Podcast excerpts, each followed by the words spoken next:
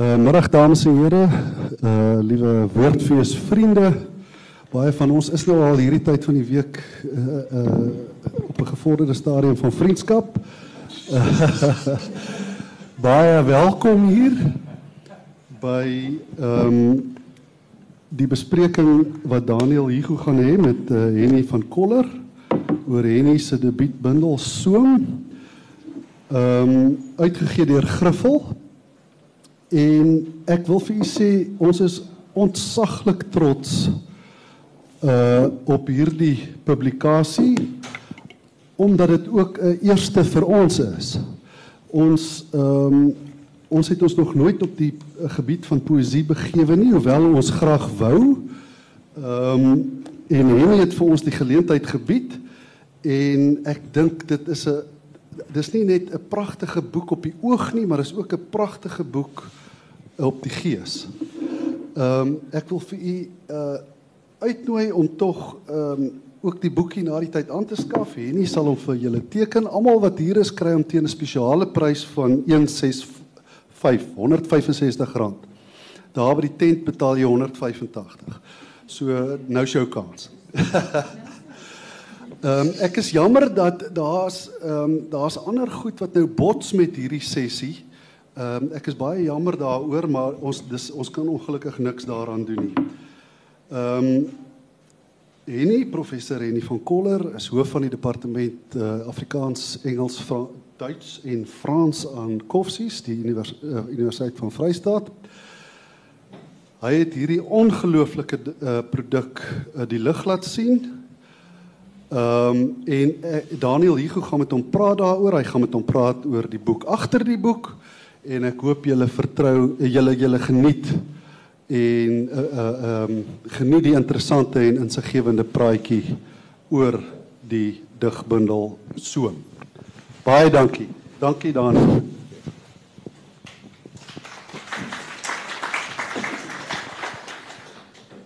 Nou en jy uh, het jou hele lewe gewy aan die literatuurkritiek en die literatuurwetenskap waar jy ander mense se boeke beoordeel het. Nou het jy self 'n boek wat deur jou kollegas beoordeel gaan word. Is jy bang? Ja, Daniel, ek is nogal want daar is maar in my lang literêre loopbaan heelwat vyande wat ek gemaak het op die pad. 'n uh, Party van hulle groot en invloedryk. Uh maar ek het besluit uh, ek het nou oud genoeg geword. Ag, jy weet en ek kan die kritiek nou vat.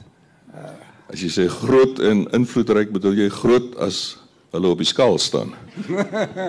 Daniel, ek laat dit daar. ek wil weet, hoe het jou akademiese belangstelling jou jou werk by die universiteit invloed gehad op hierdie bundel? Dit moes tog seker. Ja, ek het nooit gedigte geskryf nie. Ek is nie iemand wat gedigte in laaie en geberre het soos kloete en toe uiteindelik besluit het ek sal nou maar onbeskroond publiseer nie. Ek het 'n paar jaar gelede vir die eerste keer begin uh skryf en ek dink jy weet dit miskien nie, maar jy was nogal instrumenteel daarin. Ons was besig met 'n vertalerswerkswinkel en toe het jy gesê ek het toe begin vertaal daar en ek het gevoel o, dis my lekker en toe sê jy ja, maar dis net 'n digter wat kan vertaal. Geen digter kan 'n ander digter vertaal nie. Dit dog ook maar verdom.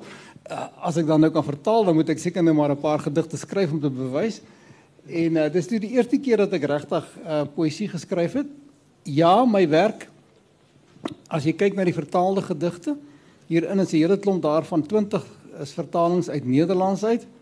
Ek gee my hele lewe al lank uh, Nederlands by die universiteit. Ek het ook daar gestudeer. En ek het 'n belangstelling in die sonnet, veral die sonnet van die 17de eeu. En dis eintlik ook maar begin het omdat my studente gewoon nie hierdie gedigte begryp nie toe ek hulle vertalings gegee in prosa en toe later besef miskien is 'n vertaling in poësie dalk vir hulle jy weet waardevoller en dit is hoe ek begin het met die 17de eeuse gedigte. Nou behalwe die Nederlandse letterkunde het ook die Afrikaanse letterkunde natuurlik 'n groot invloed in hierdie bundel. Evert het nou gepraat van die boek agter die boek. Ek dink hier lê 'n hele klomp boeke agter hierdie boek. Ja, uh is soos jou proefskrif uh wat jy met dalk nie eens meer kan onthou nie. wat jy geskryf het oor die vernufspoësie waar ek destyds betrokke was as 'n mede-promotor en dit het my nogal geïnteresseer daardie tipe kort of ten minste slim vers. Ek het so 'n bietjie 'n broertjie dood aan aan baie tendense in die Afrikaanse letterkunde. Een daarvan is die die geneigtheid om vreeslik metafisies te skryf, soms oor intellektueel, soms oor sentimenteel. En uh toe ek gedink miskien is 'n nuttige korrektief is dis 'n kom ons noem dit maar 'n vernuftige vers wat soms bietjie spottend en satiries is. Ek het Luke Groe weer vertaal soos jy weet wat ook in daardie tipe tradisie staan. En dis maar dis maar die voorkeur vir my, maar as jy bedoel daar's 'n intertekstuele gesprek met baie ander digters en skrywers, dan is dit seker waar omdat 'n mens tog nie wat jy gelees het kan vergeet nie, maar ek het regtig nie probeer om 'n vreeslike akademiese bundel te skryf en te uit te stal dat ek nou die groot professor is nie. Dit het ek regtig en ek hoop as daar soeke spore is dan dan hoop ek dan voel ek skuldig daaroor. Ek wou ek wou dit nie doen nie. Kom ons praat oor die titel van die bundel. Soom. Nou op die agterplat word die titel verklaar. Ek lees dit 'n soom is 'n grensgebied van skeiding, binding, maar ook afronding. En dan is daar 'n baie mooi gedig Groningse boom op bladsy 14 waarin gesê word dat beelde uit die werklikheid die droom omsoom. Nou sou mense ook kon sê dat die gedig is soos die droom wat deur beelde uit die werklikheid omring word, maar ook gevoed word daardeur, maar tog is die gedig iets anders as die werklikheid. Ja, ek dink jy het jou vinger totaal daarop geplaas. Ek dink daar's baie ander betekenisse as 'n mens gaan kyk na wat Leon de Kok byvoorbeeld ook gesê het oor soom, hy het dit gebruik in terme van ons literatuurstelsel in Suid-Afrika dat dat daar soveel verskillende stelsels is en dat hulle dan oorvleuel en ergens op daai plek waar hulle oorvleuel is dit as ware 'n soom. Uh ek sou nie graag die die, die term verder wou verduidelik nie, maar ek dink daar's baie toepassings van van hierdie term. Ja. Nee, ek het nie besef dit word nou ook in die literatuurwetenskap gebruik nie. Ja, dit het hy gebruik uh so 'n paar jaar gelede toe hy geskryf het oor die Suid-Afrikaanse letterkunde. Ja. Het hy gepraat van the seam of our existence. Nou die soom impliseer ook afronding soos daardie aanhaling sê en die afgerondheid van jou gedigte blyk juis daaruit dat dit meestal sonette is. Ek dink iets soos 90% van die gedigte in hierdie bundel is in die sonetvorm of op in die in 'n variasie op die sonetvorm. Nou jy het nou alreeds vertel jy het nou jy gee klas oor die sonet, maar wat presies is dit van die sonet wat jou so fascineer? Wel die Hollanders het 'n mooi uitdrukking gehad wat in Afrikaans so ongeveer lui dat die sonet is so bietjie soos 'n 'n persoon in 'n borsrok. Jy weet in 'n inklimgordel wat my ouma nog gedra het. Uh dit is 'n hy knel jou die sonet. En ek dink die die kenmerk van baie mense vra altyd vir 'n ou, soos jy goed weet, as jy as jy doseer in letterkunde dan vra iemand vir jou nou maar wat is nou die verskil tussen poësie en prosa? En ek het nou al baie definisies in my lewe gelees en baie min van hulle is sluitend en baie min van hulle is is bevredigend, maar een van die definisies waarvan ek hou is van die Russiese formaliste wat gesê het dis dit is geweld wat op taal gepleeg word. Dit is wat poësie is. En ek sê altyd vir my studente die wit in die poësie is baie belangrik want daai wit wat rondom die poësie lê, rondom die gedig, druk die gedig in. Druk die die maak die gedig bondiger, korter, maak die taal kriptieser ensovoorts. En dit het 'n enorme invloed en ek dink met die met die sonnet sit jy dat jy 14 reëls moet gebruik en die die woord wat gebruik word is 'n kategoriese verwagting. Met ander woorde, dis nie net 14 reëls nie, maar die ou wat hom lees, het ook 'n verwagting. Daar moet 'n bepaalde rym wees, vaste rympatroon, daar moet 'n as ware 'n sekere ritme wees of 'n metrum dan, 'n vaste herhalende ritme. En as jy nou nog werk met 'n vorm soos uh, die Nederlandse sonnet van die 17de eeu, is dit gewoonlik die Franse sonnet. Dan kom daar dubbele wendings ook. So hy het nie net die een volta nie, ons julle weet mos die sonnet is mos 8 reëls gewoonlik en dan 6 of andersins 12 en dan 2 wat rym dis nou die Engelse sonnet maar by die by die ou Nederlandse skrywer van die 17de eeu was die Franse sonnet wat 'n dubbele wending het. So ja, jy kry 'n wending by die 9de en dan kry jy weer eene uh, hier in die in die 13de vers. En ek dink om dit te doen in Afrikaans wanneer jy sit en jy lees 'n ou soos Hooft of Huygens wat baie elliptiese sinne gebruik het, is dit gewoon 'n uitdaging aan jou. Ek ek dink dit stel 'n uitdaging aan jou om te sê kan jy dit ook doen in Afrikaans? Is hierdie taal van jou in staat om dit te kan doen? En ek het altyd die gevoel gekry ja, jy kan met Afrikaans alles doen wat jy met enige taal kan doen en ek het dit doodgewoon beskou as as uitdaging. Nou kom ons praat eers oor die rym en die vaste rymskema wat die meeste van die tradisionele snetforme het. Daar word gesê dat Afrikaans is rymarm. Is dit waar? Nee, ek ek glo dit nie. Om jou eers miskien te antwoord so so trekkie terug te gee. Ek dink die groot probleem met die sonnet en enige rymende gedig, soos jy net baie beter sal weet as ek Daniel, as 'n bekende digter, is dat jy moet pas op vir rymdwang. Jy moet pas op dat die rymwoord wat kom jou nie druk in 'n in 'n in 'n vorm wat nie pas nie. Dus verdoesel jy dit met met middele, met alliterasie ensovoorts of met halfryme. Maar ek dink dat wanneer jy in Afrikaans begin kyk, dan is Afrikaans 'n ryk taal waarvan 'n klomp woorde in 'n sekere sin bietjie verlore gegaan het omdat hulle nie meer gebruik word nie. Want ek het doelbewus probeer om om woorde wat wat baie mense as argaïsmes sal beskou, woorde wat so bietjie in onbruik verval het, weer te gaan uithaal en hulle lewend te maak. En dit het my natuurlik ook gehelp om ryme te kry. Maar ek het nooit die gevoel gekry dat daar te min woorde is nie. As jy luister na lirieke van van popmusiek, dan begin jy baie keer voel daar's 'n bietjie uh, jy weet te min rymwoorde, jy weet, want dis is gewoonlik as jy baby hoor dan weet jy daar kom wat wat kom of so, jy weet of ek lief jou en dan weet jy my hart het dief jou of wat ook al. Maar uh, ek dink mens moet maar net kreatief wees. Nou die sonetvorm het dit was ook 'n versdeel wat 'n vaste lengte het, 'n sekere aantal lettergrepe. Ja. Gewoonlik 10 lettergrepe. Die die Nederlandse sonet van die 17de eeu het waarskynlik 'n langer reël. Ja, dis die Alexandryn van van 12 na 13 lettergrepe. Ja. Nou, omdat Afrikaans korter en bondiger is as Nederlands en ons het nie die en uitgang nie. Korte mens dikwels 'n lettergreep. Hoe oorkom jy daardie probleem? Ja, ek het probeer om om ek het vir myself gesê die dit wat wat die Nederlandse sonet se kenmerke is. Dit gaan ek in Afrikaans probeer navolg.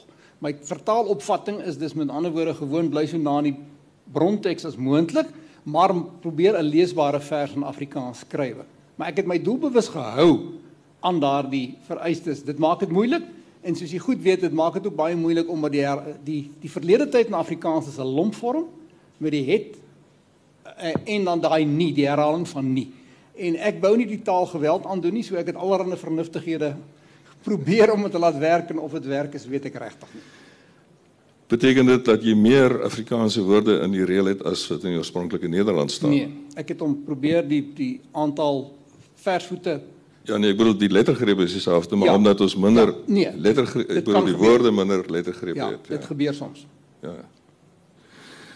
Nou, ek wil hê jy moet een van daardie gedigte lees juis om te wys hoe goed jy die moeilikste van die rymskemas kon volhou. Dit is naamlik die omarmende rym van die oktaaf in die Italiaanse sonnet wat A B B A A B B A is met ander woorde jy het 8 reëls en slegs 2 rymklanke. Die gedig op bladsy 87 herfs. Dit is die eerste van 'n reeks gedigte, vier gedigte oor die seisoene en dit is duidelik gemodelleer op die voorbeeld van van Wyk Lou se vier gebede by jaargetye in die Boland en die Opperman se grondstowwe by die siklus van seisoene as ek die titel reg onthou. Jou of, of jou reekstitel is vier sonette by jaargetye in die Vrystaat. En dan die eerste een waarin jy so vernuftig rym asseblief. ja, eers is miskien net daaroor. Ek het gedink ek gaan nou nie met die grootes in 'n in 'n kompetisie trainie hoor. Dis nie die bedoeling nie. Ek het maar net so half skalks gelag na hulle en ek bedoel die knipoog is omdat Opperman se verse gaan baie oor die oor die kos. Dit is dit is vir Annetjie Melk geskryf. Dit is kosgedigte uh uh van Stellenbosch en van Wyk Lousen is baie meer metafisies. En toe het ek gedink ag kom ons skryf maar oor die Vrystaat. Dis nou nie so 'n belangrike provinsie as al die ander nie, soos die Wes-Kaap nie, maar ten minste uh het ons ook die seisoene en ons eet en drink ook daar en toe het ek maar die vers geskryf. So die uh die gedig se naam is Herfs Dit is weer lengte, winter is verby, lui die refrein, asof die stem sou stil raak in die seisoene van koue en nagte en malaise langer raak soos hemsmoue. 'n Tyd om jou glo te konfronteer met die syn. Om blare te hark is om die somer op te ruim, sy welles in te toom, weligheid te knot, sy ingehoue geil groei finaal hok te slaan en ten aanskoue van swaals en haal te weet dis die eind van 'n termyn. Vir romantisie is vroegherfs die tyd van serene ryping van die laaste trosse, die soetste vrugte, maar ook stroping van struike, bos en bome, sierade en sondes. Gee my daardie herfs met al sy kaal erekte stamme, sy ongedurigheid, sy wispelturigheid, sy woestheid, die warbel van blare, die wellustigheid van ramme. Dankie. Nadat jy ja, dit wag. Nadat jy die remskema so mooi volgehou het in die oktaaf, raak dit weg in die sestet as ek bevrees. In die die, die eerste tersiene daar rym amper nie. So jy uh, het gedink jy het goed genoeg gedoen in die oktaaf. Ja, ek dink 'n mens wat wat ek dink by vertaling so goed jy weet dit net so goed as ek. Vertaling is altyd verlies en wins. En wat jy probeer wen deur byvoorbeeld ook oormatige rym of so gee jou dan so half die die vrypas om soms 'n bietjie weer aan die ander kant te sondig as ek dit sou kan stel om bietjie weg te gooi. En dis maar altyd so halwe vergelyk wat 'n ou tref tussen die die brontaal en die doeltaal. En nooit kry jy is dit volmaak moontlik om om dit oor te sit in 'n ander taal nie. Party teoretici het gesê poësie is onvertaalbaar. Nou ons is maar altyd besig om daar so 'n bietjie uh, kom ons maar sê nou maar ons ons probeer 'n balans bewerkstellig. Maar nee, jy gooi nou 'n jakkals draai. Hierdie is nie 'n vertaling nie. Nee nee, nee, dis nie 'n vertaling nie. Dis my eie gedig maar laat ek maar vir jou eerlik sê, die vertaling in die eie gedig is vir my nie eintlik verskillend nie want selfs met die vertaling uh, hoewel ek sê daar's 'n daar is 'n oorspronklike sonnet is ek nog steeds besig om in Afrikaans te dig. So as die oorspronklike sonnet seker goed ek nie seker goed kan doen nie, dan doen ek dit nie. Maar dan probeer ek kompenseer op 'n ander manier. En ek dink daar tussen daai twee dinge skipper ek. Kom ek stel dit die die model van die sonnet is vir my amper net soos 'n die die die brontaal. Dis die model waarna ek streef. Ek kan nie in alle opsigte altyd dit bereik nie. Nee, dis ook nie nodig nie, veral as dit so mooi gedig is soos hierdie. Jy uh, verwys duidelik daarna van Wyk Lou met die vroeg herfs en die ryp word en so voorts. Maar jy het eintlik al met van Wyk Lou afgereken vroeg in die bundel in die derde gedig met die titel November as ek reg onthou. Ja.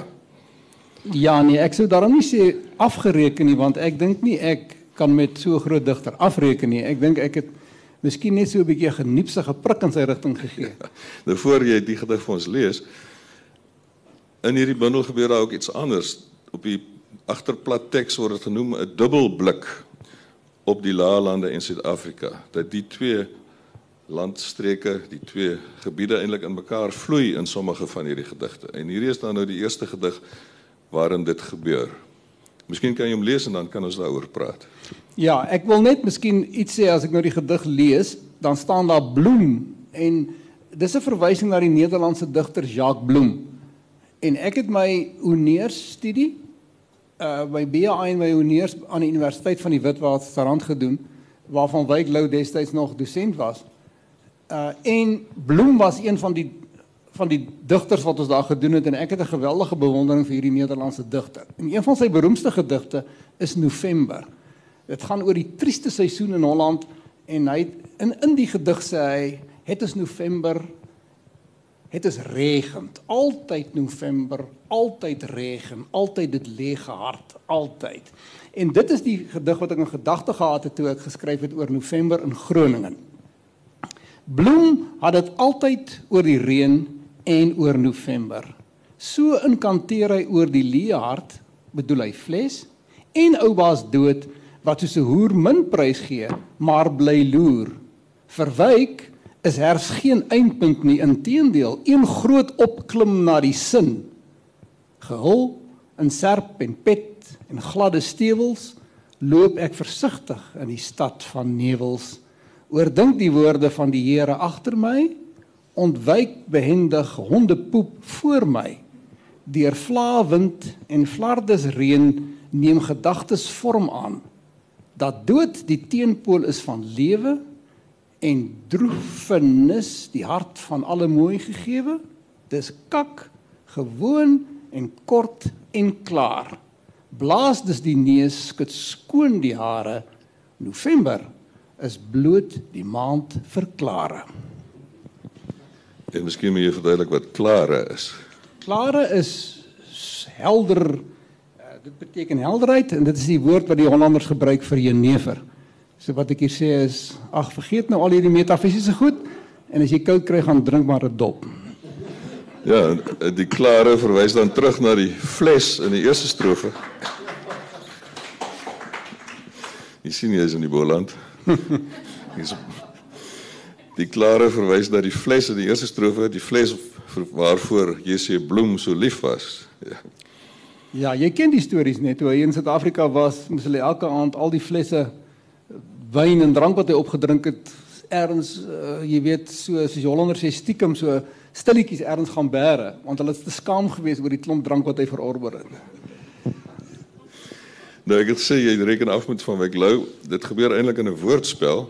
In die eerste strofe staan daar verwyk is herfs geen uit, eindpunt nie en dan in die tweede strofe jy ontwyk behendig hondepoep voor my. Ontwyk beteken ook raak ontslaaf van van Weklou.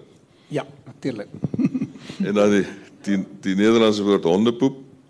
Dit is natuurlik in Afrikaans woord gewoon, sal ons maar sê honde mis. Dis 'n mooi woord, ja. so dis een van daardie valse vriende.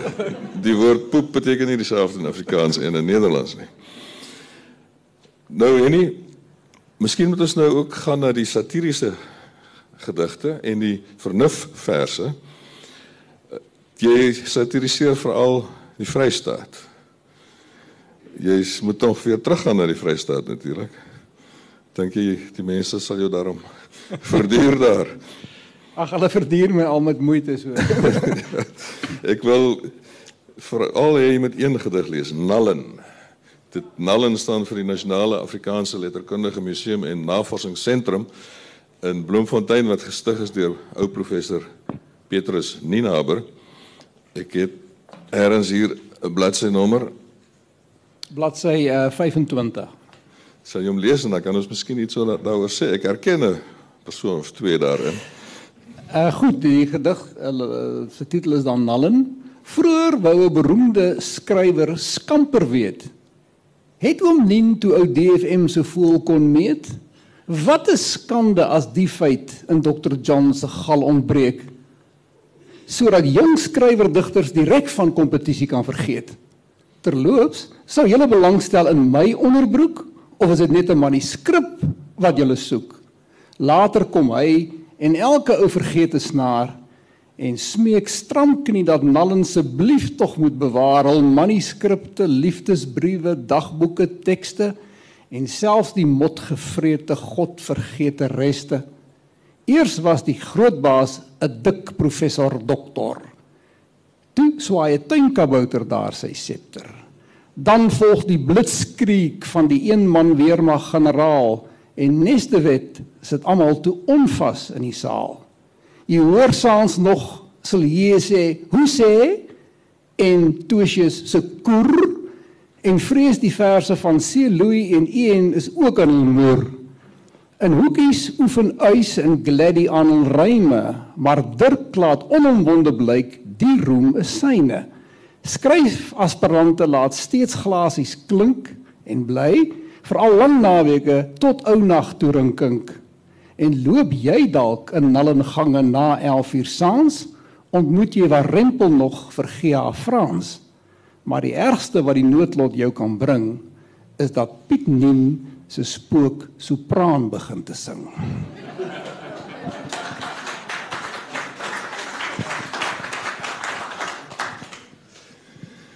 Nou, ek weet nie of jy van die mense hier wil identifiseer nie. Nee, wat Daniel, ek dink jy's jy, jy kan hom maar identifiseer as jy wil, maar ek ek dink uh dis is maar alles sleutelverse, mense moet maar hulle eie speurwerk doen. Jy het uh, noem vir die Malherbe daarin en 'n ander gedig verwys jy ook na Malherbe deur aan te haal maar 'n verdraaide aanhaling te gee. Jy sê wat is die liefde tog 'n wondersoete ding? Malherbe natuurlik sê wat is die slaap 'n wondersoete ding? Nou waar weer die satiriese gedigte is daar ook dan die speelse suiwer speelse verse sonder enige spot opset en een van die mooistes is diere maniere wat eintlik net 'n spel is met rym en klank. Jy het ook al reeds in hierdie gedig wat jy nou gelees het 'n baie mooi rymspel daar die uh, God vergete wat rym met dis die binnerym daar ek het nou die plek verloor.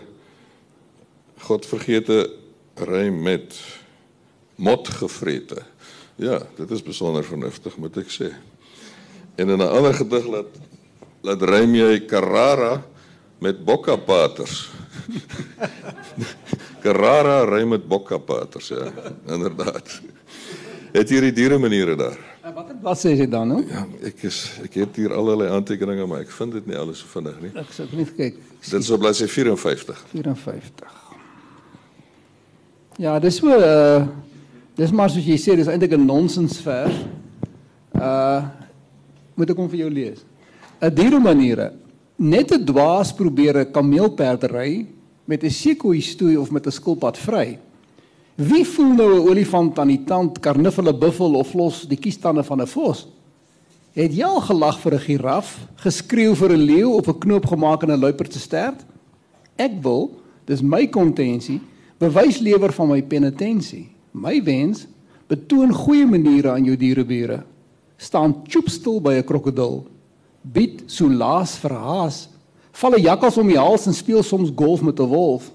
Maar in alle eerlikheid, hoewel tot diens bereid, is daar tog ook grense aan die wense.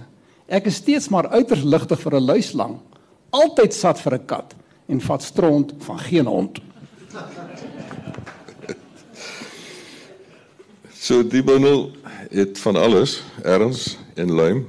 Daar's ook 'n reeksie gedigte, drie gedigte wat gemaak is na aanleiding van skilderye van Pauline Gutter. Sy 'n Bloemfontein se kunstenares. Ja, Pauline Gutter is 'n uh, Sy sê hoe jy sê Gutter. Sy's Gutter, ja. sy's 'n uh, daar's ook in die nuwe as jy gaan kyk na die boek wat nou net bekend gestel word hierna, uh, dis nou Pomp, is daar 'n mooi artikel uh, oor Pauline. Sy het sopas die Elgard Steynprys verower en is word beskou as een van die heel beste jong kunstenaars. Sy's maar nog daar by die 30, uh, maar sy's uiters uh Uh, goed, dis het ook verantwoordelik vir die voorblad van hierdie bundel van my.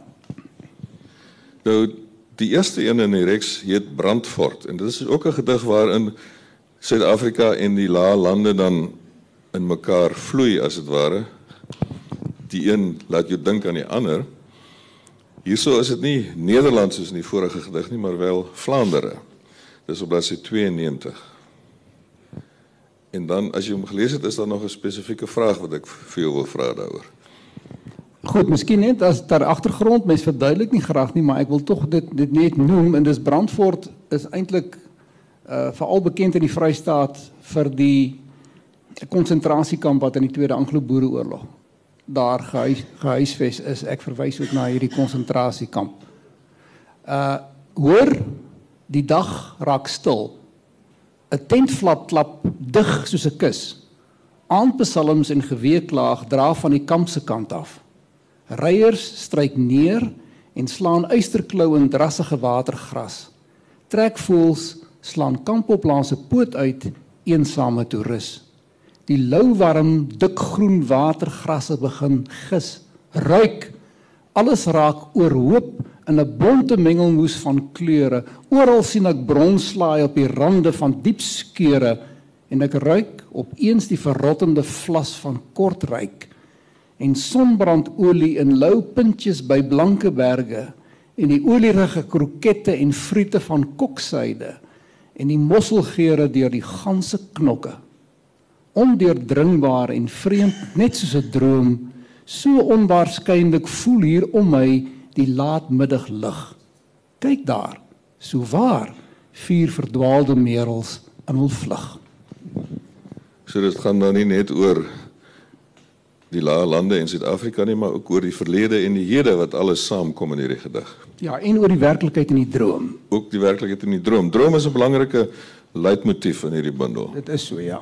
Want jy het 'n pragtige herinneringsgedig, 'n gedig wat gaan oor jou kinderjare, 'n besoek aan jou ouma en oupa, as ek reg onthou, ja. waarin jy ook praat van die droomverblyf. Ja. Mag ek vra die konsentrasiekamp gegee wou? Word dit doelbewus hier gekontrasteer met die hedonisme van die kos van Vlaandere? Weet jy Daniel, uh, ek het dit nie so bedoel nie. Dit dit, dit sou seker dis 'n interessante interpretasie waar ek nie aan gedink het nie. Wat ek probeer doen het is om te sê dat 'n merel aan die einde, dis 'n voel wat jy nie in Suid-Afrika kry nie. En hier kom die merel skielik verby en in daardie onwaarskynlikheid van die merels val alles saam. Droom en werklikheid welgee in in in in brandfort al die dinge kom bymekaar en ek voel so half wat ek daardeur wou sê is dat die gedig 'n gedig kan eintlik alles saamvat wat eintlik andersins onmoontlik is. Maar die gedig is dan geïnspireer deur 'n landskapskil 'n ja. landskapskildery. Ja. ja. Die die die skildery van Pauline wat hier afgedruk is hang in my kantoor. Uh in Bloemfontein en dit is 'n dit is regtig 'n besondere mooi mooi skildery.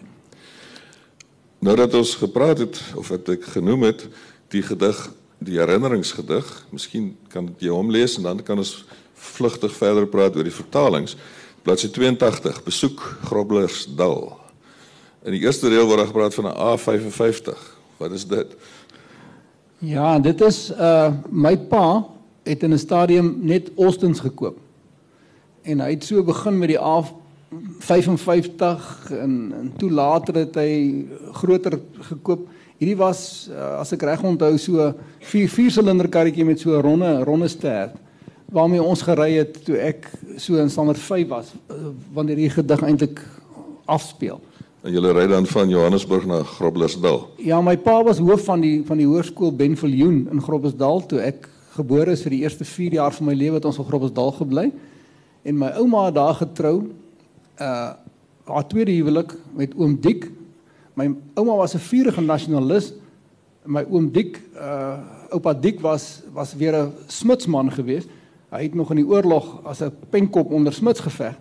En daar was 'n stille uh, vredes in die vredesluiting in die huis, naamlik dat oor politiek is daar nou nie veel gepraat nie. En dan het my pa nou gewoonlik as hy daar aangekom het, dan het hy vir ons soos hy gesê het so halfjack het hy het hy gekoop, jy weet, uh, een of ander brandewyn en my oupa het so eintlik staan en wag vir daai brandewyn. Hy het nooit gedrink nie, maar as my pa nou kom kuier, dan het hy nou geweet dan kry hy sy brandewyntjie een. En dis nou maar die herinnering wat ek kan onthou soos ag soos maar al die ander dinge ook oor die brood en al die goed wat alles waar is. Uh besoek Grobbesdal. Dis Vrydag laat toe die A55 daar stop langs die Laning Brame reg oor die afdak waar die separator staan. Ouma wieg nader soos 'n skrophoender. Oupa Dik haal aanmegtig asem. Pa stop hom die halfjack in die hand, Mellowwood of limousine. Ma staan verskrik op sy vir die verwelkoming van Smits, oupa se werfhond, so sy naamgenoot deur ouma vir altyd die huis verbied. Ouma se leghorns is boetvaardig, lê op versoek, eiers en vir die byl. Oupa moedig ons aan om eiers te eet en saggekookte hoendervleis bedien met pap, rys en groen tuinbone waarin eie aardappels en skaapvleis lepel lê. Smiddags kraai Andrew se boerbroodkoning twee hande hoog met braamkonfyt vir die besoekers uit die stad van goud heel soos ek met die paradys altoos verbeel. Op die linoleumvloer later is slagordes opgestel Daar word om Troje geveg tot die laaste man sneuwel met 'n tandestokkie diep in sy goedgevormde klei lyf gedryf. Oupa se roggelende hoes kruip deur die huis. Tuis bly ek vir ewig in die droom verblyf. Die slotreël is natuurlik dubbelsinnig. Of nie, so natuurlik nie. Verduidelik. tuis bly ek vir ewig in die droom verblyf. Jy bly dus tuis of jy voel altyd tuis in hierdie herinnering. Maar dit kan ook beteken as ons weer by die huis kom, in Johannesburg tuis, bly ek vir ewig in die droom verblyf. Ja. Dink dit is beslis ook 'n vir, vir ook 'n verklaring omdat ek as klein seentjie uh my baie dikwels teruggetrek het in 'n droom bestaan van waar ek gespeel het met klein manne vir tot op, op 'n gevorderde ouderdom. Nou, jy het pop gespeel. Ja, ek het uh, pop gespeel maar soos 'n seentjie se variant daarvan 'n bloedige oorlog. ja. Dit herinner nogal aan van Wyk Lou wat hy beskryf van sy kinderdae daar in beeld van 'n jeug duif en perd waar hy ook oor lees oor die Romeinse uh, veldslae en dan ook dit uitspeel as dit ware daar in die gruis van die agterplaas. Ja, nou myne is nou nie heeltemal so geleerd nie. Ek het maar net doodgewoon met klein manne gespeel, hoewel ek wel baie lief was van jongs af geskiedenis. Dit was my eintlik my gunsteling vakke ook nog altyd gewees. Ons uh, tyd is amper verstreke, maar ons wil nog die gehoor kans gee om vrae te vra. Miskien iets oor die vertalings. Is daar een van hierdie sonette wat jou besondere probleme verskaf het? Die die Nederlandse sonette, die oues, het my baie probleme verskaf omdat hulle so ellipties is. Een van hulle was was die gedig van uh die protestantse digter Jakob Reefsen of bekend as Refius en dit is die gedig Godsbesluit omdat dit een van die gedigte is waaroor daar 'n ewige polemiek is. Jy kan dit nog onthou tussen Kannemeyer en Groewe. Is dit 'n sonnet of nie? En uh ek het hom toe vertaal uh, en en dit is 'n moeilike gedig want die gedig stop nie. Hy hy hy loop aan mekaar tot in die slotreëls en dis amper asof die die klippie wat in die water val en daai kringe maak eintlik in die vers geëgo word. Die een reël gaan oor in die ander reël. Ja, en hy Rivius gebruik ook paar rym in plaas van Ja. die normale Ja. rymskema van die sonnet. Wat baie moeilik is. Sal jy vir ons eers die Nederlands lees en dan die Afrikaans? Dis bladsy 110. Godsbesluit van Revius gelyk als in 'n kolk en steentgen val te gronde het water werp terstond en ringsken in het ronde. En van het ene komt een ander schieten uit waarvan een ander straks en weer een ander spruit. Zodat in korte tijd de ogen daarop dwalen de grote nog het getal niet konden achterhalen. Zo gaat het ook met mij o grote God en Heer van doe mijn tong began te stammelen u eer het ene denk ik na het ander valt mij inne. Uw wijsheid uw gerug uw waarheid uw minne omringen mij te samen die ene ogenslag. En wil ik van het een of het ander doen gewag? Uw raad en uw besluit mij zo geheel verslinde dat ik daar nog grond nog oever weet te vinden.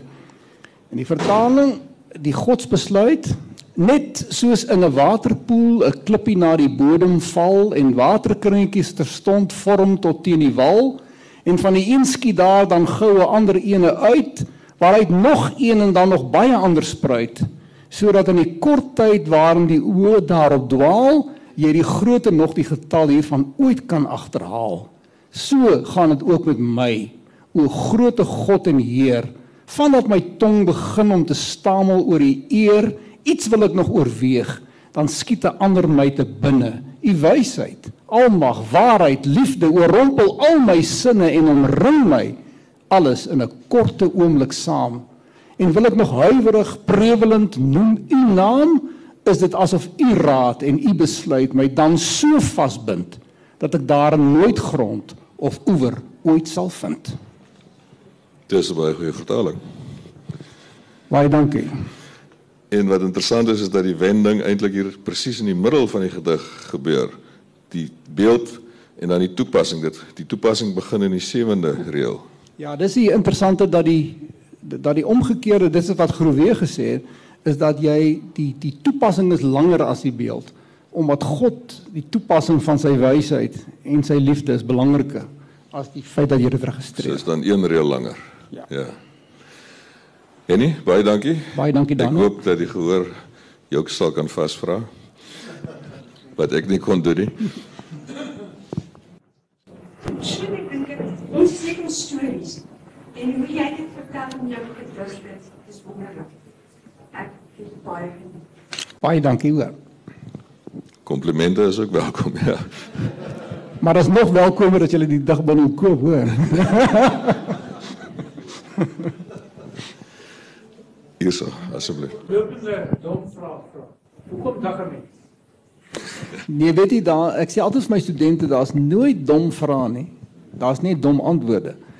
Uh weet jy dit moet jy maar uh, vir elke ou gaan seker 'n ander antwoord vir jou gee. Ja, hoekom dig ek? Uh dis amper dieselfde antwoord as hoekom maak ek graag kos? Uh en en dit sou baie keer wees dat ek die die lewe op 'n makliker kan hanteer as ek kos maak. As goed my frustreer dan hanteer ek dit. As goed my vir my onbegryplik is en en ek het baie keer uh, lus om iets 'n seker gevoel dan is die gedig vir my nogal 'n manier om daardie gevoel te verwoord. Want dit verplig jou om te kyk na die struktuur. So met ander woorde daardie spontane gevoel van jou van van verwondering, van wat dit ook al watter gevoelens ook al jy het, word gemedieer deur die gedig. Dis dis 'n dis 'n dis 'n dissipline op jou emosie, ek wat my betref. En en dis wat ek dis hoekom ek dit doen. Tipe van ontvlugting of ook 'n Ja, dit as ek vra as as 'n mens byvoorbeeld luister na die gedigte oor die oor die ander digters in Suid-Afrika. Is dit ook 'n manier om uit by te kom sê van nou die land? ja nee, ek dit so maar ek probeer dit dan nie doen nie. Ek dink jy uh, het begin gedigte skryf om vir jouself legitimiteit te gee as poësievertaler. ja, dis ook seker 'n rede dan. En die vertaling dan om as mense gedig werklik wil leer ken, 'n gedig in 'n ander taal is die beste ding wat jy kan doen is natuurlik om dit te vertaal. Ja, ek dink uh, dit is wat veral met die 17de eeuse gedigte betref, is dit absoluut waar, want dit staan so ver van ons af. Daardie wêreld, kyk uh, byvoorbeeld die uh, besondere mooi gedig vir my is die een van Hooft, gesonde gryshart. En as jy hom lees, dan dink jy watter uh geforseerde beelde kry jy hier in uh want want sy beelde verander die hele tyd, maar as jy hom vertaal, dan besef jy watter ongelooflike gedig is dit. Ek sou sê in my ervaring is dit die naaste aan 'n perfekte sonnet wat ek nog ooit gelees het. Uh hoofsin dit hy's hy's perfek. Dit werk ook daar met 'n woordspel, né? Ver, verlang en verleng. Ja, dit, kon jy dit in Afrikaans ook reg kry? Nie heeltemal nie. Ek het ek het probeer, eh, maar ek dink ek het daarom so naby gekom. Want hy praat van verlange, verlange daar sy naam af heeft gekregen dat ek die tyd die ek wil verkorten wel verlang. Want hy tyd gaan vinnig verby sê die ou. Vir almal, maar nie vir hom nie. Tyd gaan vir hom stadig verby want hy kom nie by sy geliefde uit nie. Sy's weg en hy wil by haar kom en hoe vinniger hy by haar kan kom, hoe en die tyd wil nie verbygaan nie. Nou sê hy verlange het daar sy naam van gekry, want verlange beteken dat jy die tyd langer maak. Uh, dis eintlik 'n baie mooi manier om dit te stel. Nog 'n vraag? Daar. Kan jy jou altyd net hou by die uitbetaal in Nederlands of dink jy dat jy ook sou wou vertaal uit die Engelse poesie? Ingrid, uh dis my dis die bekende skrywer Ingrid Winterbag, my skoolmaat, sy is baie bly dat jy hier is Ingrid. Hoorie, uh weet jy ek het gedigte vertaal uit Engels uit. Ek het um 'n hele klomp, ek het ook omtrent 25 sonette uit Engels vertaal. Uh en ek wou oorspronklik het ek vir Daniel gesê wou ek 'n bundel uitgegee het wat net sonette het met 'n inleiding teoreties oor die sonnet. Maar maar op die ouend het dit nie so lekker gewerk nie en ek het daardie Engelse gedigte wat ek dink ook nie heeltemal so geslaagd is nie. Uh het ek gelos, maar ek het dit ek het my hande aan gewaag en ook uit verskillende tye. Uh omdat dit ander forme is, soos byvoorbeeld Shakespeare en en en en byvoorbeeld Wordsworth en so aan, heeltemal 'n ander tipe sonnet geskryf. En ek het dit probeer doen om my te sluip en ek hoop ek kan dit eendag publiseer. Ehm kan ons weer dit doen ons vandag? Sien jy begin Ek het geen idee nie. Uh ons sal maar moet sien. Hang van jou kollegas af hoe vriendelik hulle is. Miskien kan ons afsluit dat jy deurdat jy nog 'n gedig lees, die eerste een in die bundel. Dit is ook waar die Lae Lande, spesifiek dan Nederland en die stad Groninge 'n belangrike rol speel. Ja, dit uh, dit dra die titel uit 'n universiteitskantoor in Groningen. Fietsse trotseer trotseer stegies waar barke vroeër kon vaar.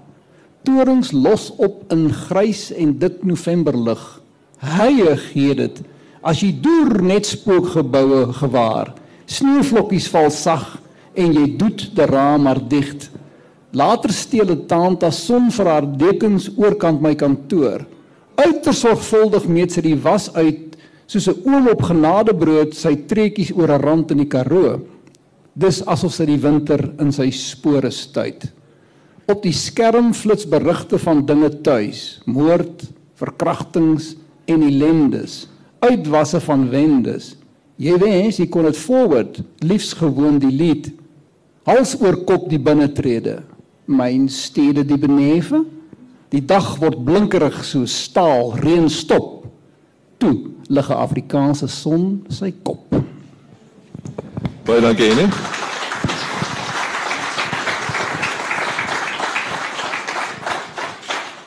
Die bundel is te koop net hier langsaan en Henny sal sekerlik bereid wees om te teken. Baie baie dankie vir julle wat hier was. Dankie Daniel.